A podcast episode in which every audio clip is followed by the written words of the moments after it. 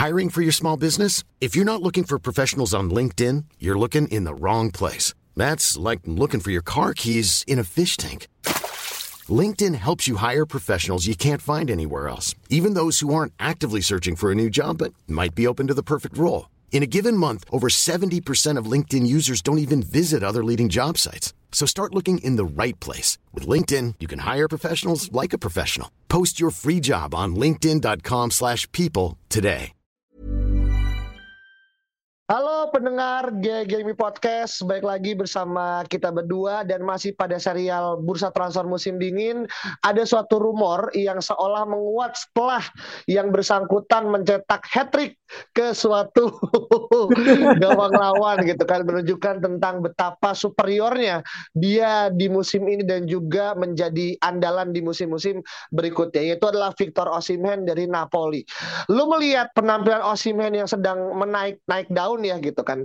Dan dikaitkan dengan MU bagaimana responnya Vin? Wah, Osimhen ini menurut gua adalah prospek jangka panjang masa depan yang memang lagi hot-hotnya ya di musim ini gitu. Terlebih juga dia kemarin baru aja hat trick dan juga kayaknya satu assist ya ke gawang Juventus gitu yang mana ya tetap aja meskipun apa ya kayak Juventus ini lagi nggak stabil gitu ya kita juga tahu ya 7 atau 8 pertandingan terakhir Juventus menang gitu cuma melihat di awal musim Juventus itu juga jelek gue merasa bahwa Juventus ini juga nggak akan lama naiknya gitu kan. Dan akhirnya dibantai juga sama Napoli 5-1 skornya. Dan Osimhen benar-benar menjadi bintang ya di pertandingan itu. Dan di samping itu memang Osimhen ini menurut gue adalah salah satu penyerang yang bisa dibilang hampir komplit gitu. Gue juga sempat membaca ada matriksnya di mana kekuatan dia dan juga kelemahannya gitu. Dan kalau misalnya kita bicara karakter Osimhen ini sebetulnya pemain yang cepat banget pace-nya gila finishingnya juga bagus banget. Cuma kurangnya satu yaitu passingnya. Passingnya dia tuh kurang bagus gitu. Jadi dia bisa hold up play link up play itu bagus. Dia bisa uh, membelakangi gawang nerima bola. Cuma kemudian ketika dia udah bisa nerima bola dan menghalangi lawan untuk dapetin bola itu dia bisa melindungi bola. Kemudian passingnya itu nggak sebagus itu gitu. Dan juga mungkin dia ketika di sayap dia nggak sebagus itu untuk melakukan crossing untuk pemain lain. Itu mungkin salah satu kekurangan dia gitu. Cuma kalau misalnya kita bicara as striker only bagaimana threat dia di kotak penalti as number 9 kemudian juga speed dan juga fisiknya dia ya itu emang gila banget sih. Dia sangat atletis tinggi besar. Besar pun nggak kayak Lukaku ya yang mungkin agak-agak overweight gitu kan. Ini tuh tinggi yang apa ya atletis men gitu. 100 90 apa 188 gitu gue lupa dan itu menurut gue ideal sih untuk Liga Inggris. Hmm oke okay. dan kalau kita ngeliat statsnya ya dia tuh musim ini mencetak 12 gol dari 14 game dan juga ditempatkan sebagai top scorer ya sementara ya di uh, Liga Italia gitu kan dan di Liga Champions sendiri dia nyetak 4 assist dan juga satu gol gitu yang ngebuat Napoli lolos ke babak berikutnya gitu. Jadi kalau ngelihat secara stats gitu kan dan juga bagaimana mana yang bersangkutan memiliki prospek jangka panjang karena usia juga masih 24 tahun ya gitu. Ya, Plus ya. dia pernah foto bareng Idion Igalo dalam suatu kesempatan dengan MU. Menurut gua ini akan ada peran agen Igalo gitu. Aduh. ya akan sangat bermain peran gitu kan. Jadi menurut gua sih apa ya? Mungkin ya ke depannya memang Osimhen ini kan ketika memang dari awal dari Lille ya, dia kan memang digadang-gadang akan menjadi salah satu apa ya? Ya potensi potensial prospek lah dan dia dibeli pun sama Napoli juga nggak murah ya Vin ya iya iya, iya. tujuh puluh atau 80 kan iya iya iya betul dan menurut gue dengan angka yang dia dapetin sekarang maka valuasinya bisa menjadi dua kali lipat gitu makanya ada yang bilang nih dari uh, salah satu media di Italia Napoli itu ngasih price tag di angka 140 juta euro gitu. Oh, yang mana menurut gua gitu kan. Ya dengan angka inflasi yang ada, dengan penampilan dia gitu. Ya sebenarnya salah nggak salah gitu. Napoli memiliki hal yang memang dia idamkan dari suatu apa namanya pemain gitu. Jadi kasarnya lu beli dia di angka yang hampir mirip seperti mungkin Atletico Madrid beli Joao Felix ya meskipun nggak semahal itu. Tapi kalau ngomongin investasi, bagaimana ke di bisa ngelepas uh, Osimhen di angka seratusan di atas, menurut gue nih best buy banget. Apalagi kalau dia berhasil mengatakan Napoli dapat Scudetto gitu. Hmm, iya iya iya benar benar benar. Gitu. Itu sih dari gue sih secara ini. Tapi dengan tadi yang lo bilang ya ada beberapa kelemahan dia gitu. Apakah lo ngerasa ini adalah hal yang masih bisa ditingkatkan? As in dia juga masih muda dan dia juga punya berbagai macam traits yang mendukung kira-kira Vin? Iya sebetulnya kalau misalnya tahun ini kan 25 ya. Kalau 24 ya. itu kemarin gitu kan. Jadi sekarang dia 25 tahun udah masuk ke peaknya. Um, kalau apakah dia bisa berkembang? Bisa-bisa aja sebetulnya gitu. Karena memang again ya tergantung pemain dan juga bagaimana kontribusi pelatih juga yang bisa menaikkan kemampuan pemain itu sendiri gitu. Cuma nggak bisa dipungkiri bahwa yang namanya bakat itu kan bakal mempermudah gitu dan gua nggak tahu apakah Osimhen ini sebetulnya ada bakat tapi belum kelihatan untuk apa ya kayak terlibat dari sisi passingnya dan juga mungkin crossingnya gitu. Cuma kalau misalnya dilihat gitu, misalnya let's say kita bandingkan dengan penyerang yang pernah kita bahas juga ya, yaitu Harry Kane gitu. Ya Harry Kane jauh lebih komplit, cuma memang ya masalah usia kan gitu. Jadi Osimhen ini memang pada akhirnya dengan harga harga yang gila ya kalau misalnya beneran 140 150 juta itu mungkin kita mikir banget gitu kayak anjir worth it gak ya? Gitu. Takutnya itu apa ya ada hal-hal yang kita sesali gitu loh dengan harga semahal itu gitu. Cuma somehow gue masih yakin bahwa meskipun dia 25 tahun dan juga ada sebuah kelemahan dan itu pun sebenarnya bukan kelemahan yang lemah banget gitu. Dia bisa cuma nggak terlalu kuat di situ. Dan gue percaya bahwa Ten Hag ini kalau memang dia menginginkan seorang Osimhen gitu kalau memang dia pingin berarti Ten Hag ini tahu bahwa dia bisa ngedevelop Osimhen bisa menjadi pemain yang lebih komplit lagi gitu. Jadi menurut gue gimana pelatih aja sekarang gitu meskipun kita semua nggak tahu ya kayak apakah dia bisa menjadi pemain yang sekomplit itu atau enggak. Cuma kalau Ten Hag sudah menginginkan ya tandanya dia percaya bahwa Osimhen ini bisa lebih baik lagi. Oke, berarti kan ujungnya kan kita nge-backup siapa pun pilih Ten Hag ya. Itu kan menjadi salah satu uh, value kita sebagai fans ini adalah percaya pada proses yang Tenak bawa gitu kan dan ketika Tenak memilih Osimhen sebagai number one real target nomor 9 yang akan mengisi pos di depan MU musim depan maka ya kita harus semua tegak lurus gitu dengan pihak Tenak gitu tapi gini kalau kita ngelihat secara kontrak ya kontrak Osimhen kan akan berakhir di 2025 gitu kan. Betul. kan Memang masih cukup panjang gitu dan dia mendapatkan earningnya tuh 4,3 juta per ini berarti per tahun ya kalau misalnya gue lihat segala macam gitu kan.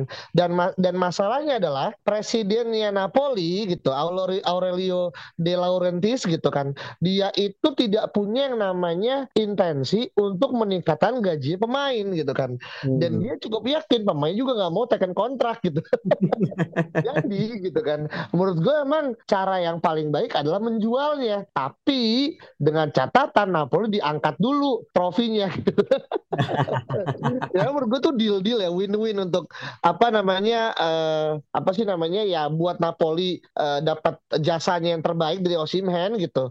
Karena kan dia kan jangan sampai dia ngelewatin masa peaknya gitu. Ya ujungnya ketika dijual nggak bisa juga gitu. Ini kan juga satu hal yang menurut gue sih untuk Italia yang mungkin secara revenue secara uh, eh, TV rights mungkin nggak sebesar Liga Inggris pasti dia akan sangat mencari cara bagaimana akhirnya bisa mendapatkan uh, profit yang besar gitu. Dan dengan cara tuh ya lah menjual pemain gitu kan. Nah itu salah satu hal yang akhirnya menurut gue jadi salah satu uh, pertimbangan dari hmm. Osimen akan cabut di musim panas nanti gitu kan. Tapi gini kalau ngelihat secara uh, ini kita ngomong agak sedikit uh, melebar nih. Ketika misalkan dia datang, lu lebih ngelihat dia akan mendapatkan jersey nomor 9 yang mana sekarang dipakai sama duta jalan kaki gitu kan jalan sehat atau dia akan memakai jersey nomor 7. Wah kalau tujuh ke Osimhen kayak emang agak ini ya apa agak di luar prediksi semua orang ya gitu.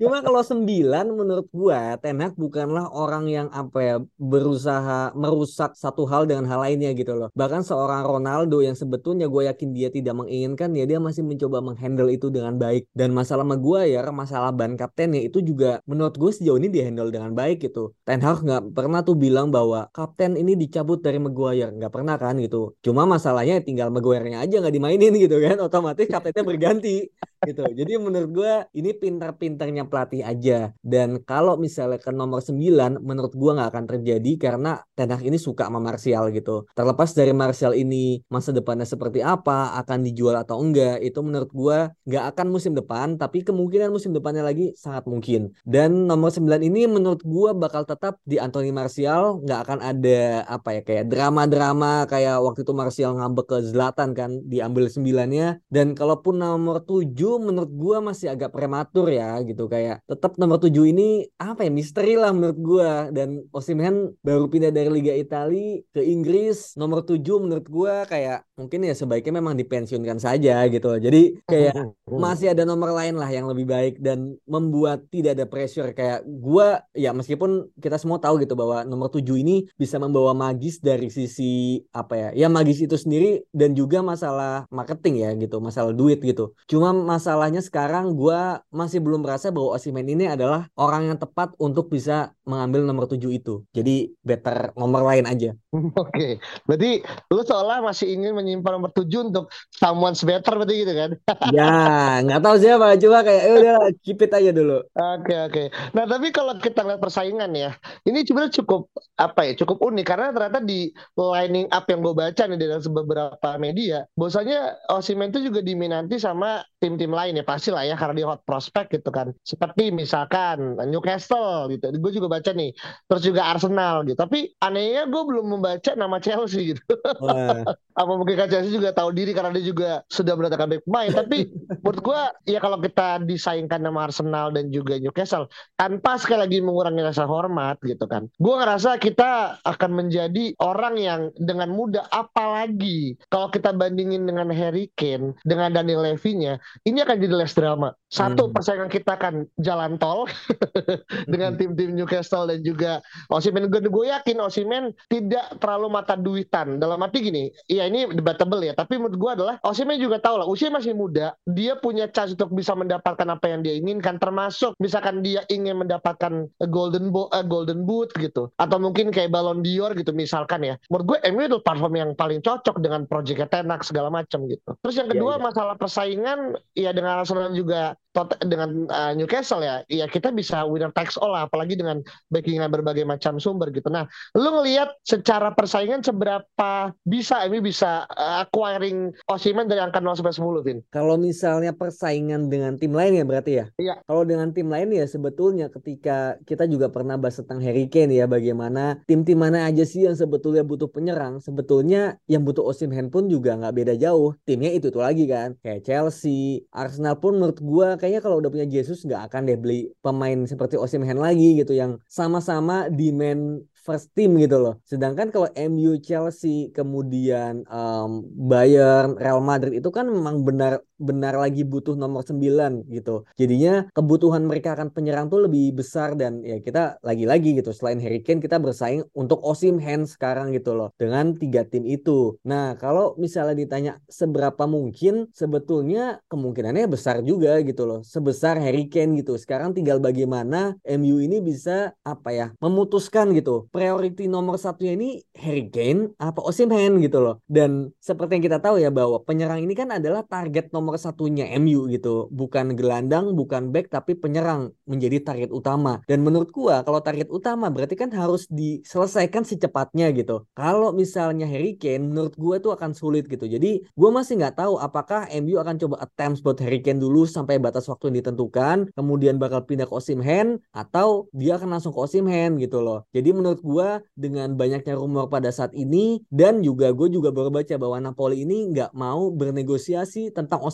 sampai musim berakhir gitu. Berarti kan agak sulit ya bagaimana MU bisa bergeraknya gitu. Jadi sekarang tinggal gue ingin MU ini benar-benar MU dan Ten Hag ya itu sama-sama fokus dan riset bagaimana apakah penyerang seperti apa gitu yang benar-benar dibutuhkan oleh MU gitu. Dan ketika memang sudah ditentukan nomor satunya siapa, let's say Osimhen ya menurut gue kejar abis-abisan sih gitu. Jangan sampai akhirnya kita turun ke opsi nomor dua gitu. Kalau memang Osimhen yang diinginkan ya kejar dari bursa dibuka gitu. Ketika musim selesai langsung kejar gitu loh jangan sampai diambil tim lain gitu. Kalau bisa curi start gitu dengan cara ya itu tadi gitu loh. Mungkin udah small talks dari sekarang ya gue nggak tahu ya gimana caranya gitu. Cuma intinya menurut gue harus ditentukan dari sekarang sih. Dan kemungkinannya ketika kita udah udah coba curi start itu akan lebih besar untuk kita. Tinggal mau bayar apa enggak aja sih. Bayar apa enggak udah masalah inilah ya manajerial lah yang akhirnya iya, iya. negosiasi gitu kan. Tapi memang sebenarnya kalau kita ngomongin Osimhen terus juga Manchester United gitu kan dan juga Ten Hag menurut gue siapa pemain yang akan datang ke MU menurut gue ini akan menjadi salah satu revolusi yang gue gak tau gue gak bilang 4.0 ya. Cuma dalam arti uh, suatu revolusi yang perlu untuk diwanti-wanti sama tim lain. Karena once Ten Hag dapat apa yang dia mau dan kita udah lihat ya di musim ini dengan skuad yang setengah jadi ya gue bilang setengah jadi gitu. Dia aja bisa akhirnya bahasanya ya let him cook gitu kan. Yeah, dengan yeah. aktif di empat uh, apa masih aktif ya. Satu-satunya loh tim di Liga Inggris gitu kan sampai dengan Januari kita masih bisa uh, bertahan bertengger di empat uh, cup. Menurut gue ini something yang perlu untuk diapresiasi. Apalagi kalau akhirnya kita bisa datangin pemain yang dia mau gitu kan dan Osimhen gitu kan. Gue sih rasa terlepas dari segala bentuk uh, kontroversi ataupun mungkin ya lebih kepada drama, gue cukup merasa dia adalah pemain yang akhirnya bisa bertahan, let's say dua, tiga, empat, lima tahun ke depan. Dan menurut gue MU juga berpikir pada jangka panjang gitu. Betul betul. Tapi satu hal, iya. gue nanya ke lo, hmm. dia itu kan pakai apa ya bisa dibilang ya head gloves ya. Itu lebih kepada cedera atau apa ya Vini? Nah, nah ini yang gue baru mau ngomongin gitu. Jadi gue baru inget bahwa Osimhen itu musim lalu dia tuh pernah cedera apa ya uh, rahang kalau nggak salah atau ada di muka gitu. Dan itu cukup lama 12 pertandingan kalau nggak salah dia absen. Dan kalau misalnya kita lihat riwayat cedera dia ternyata tuh cukup banyak gitu loh. Dalam bukan cukup banyak ya tapi setiap musim tuh ada aja pertandingan yang dia miss lebih dari tiga apa lebih dari lima gitu loh di dua atau tiga musim terakhir gitu. Jadi itu juga menjadi salah satu concern yang kita juga harus pikirkan gitu bahwa mungkin dia nggak akan separah Anthony Martial gitu. Dan cedera terakhirnya di musim lalu ya lebih ke cedera muka gitu yang ya nggak tahu karena kalau bukan mungkin tabrakan ya itu lebih ke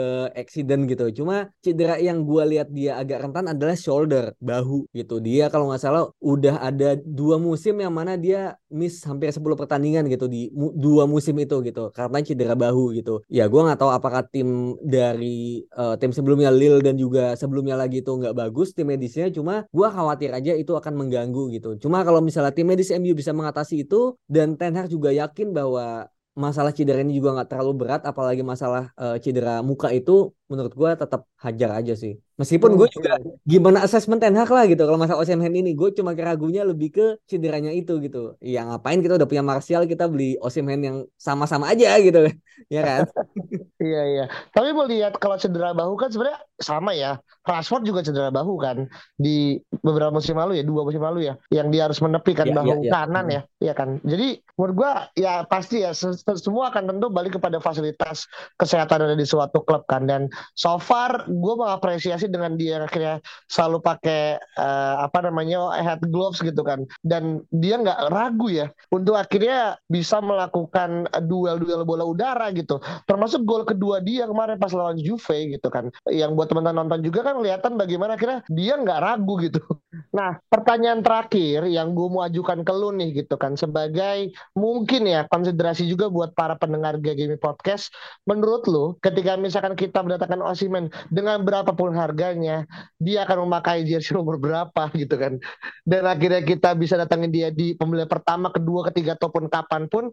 Apa ekspektasi yang lo bisa taruh untuk Osimhen as an individual dan juga as a team? Kalau untuk individual dengan kita beli Osimhen apalagi harganya bakal sepertinya di atas 100 juta, itu gue merasa bahwa ya dia harus deliver setidaknya 15 sampai 20 gol dalam satu musim gitu loh. Bahkan dia seharusnya bisa menjadi top scorer contender ya bersama dengan Erling Haaland dan juga mungkin siapa ya Harry Kane juga gitu kalau masih di Inggris. Jadi menurut gua harga seratusan juta itu kita harus expect lebih pastinya ya ke dia gitu dan itu kalau individu. Tapi kalau untuk secara tim gue juga berharap bahwa dia semoga meskipun tugas utamanya adalah cetak gol cuma jangan sampai ya pada akhirnya ya seperti kasusnya Bang Do kemarin kan gitu. Karena sangat ingin mencetak gol sampai dia juga tidak bisa apa ya uh, bermain secara tim gitu loh. Secara kerjasama tim dia harus bisa turun ke belakang link up play hold up play dia uh, membuka ruang gitu. Dan gue juga berharap secara tim dia bisa belajar bagaimana ya seperti Anthony Martial gitu. Mungkin dari sisi uh, mencetak gol Osimhen lebih bagus dari Martial. Cuma masalah keterlibatan menurut gua Martial masih lebih bagus dan semoga mereka juga bisa bertukar ilmu gitu. Osimhen belajar dari Martial, Martial juga bisa belajar dari Osimhen dan pada akhirnya kita punya dua striker yang sama-sama mematikan gitu loh dan bisa bergantian dengan padatnya kompetisi. Itu sih menurut gue. Oke,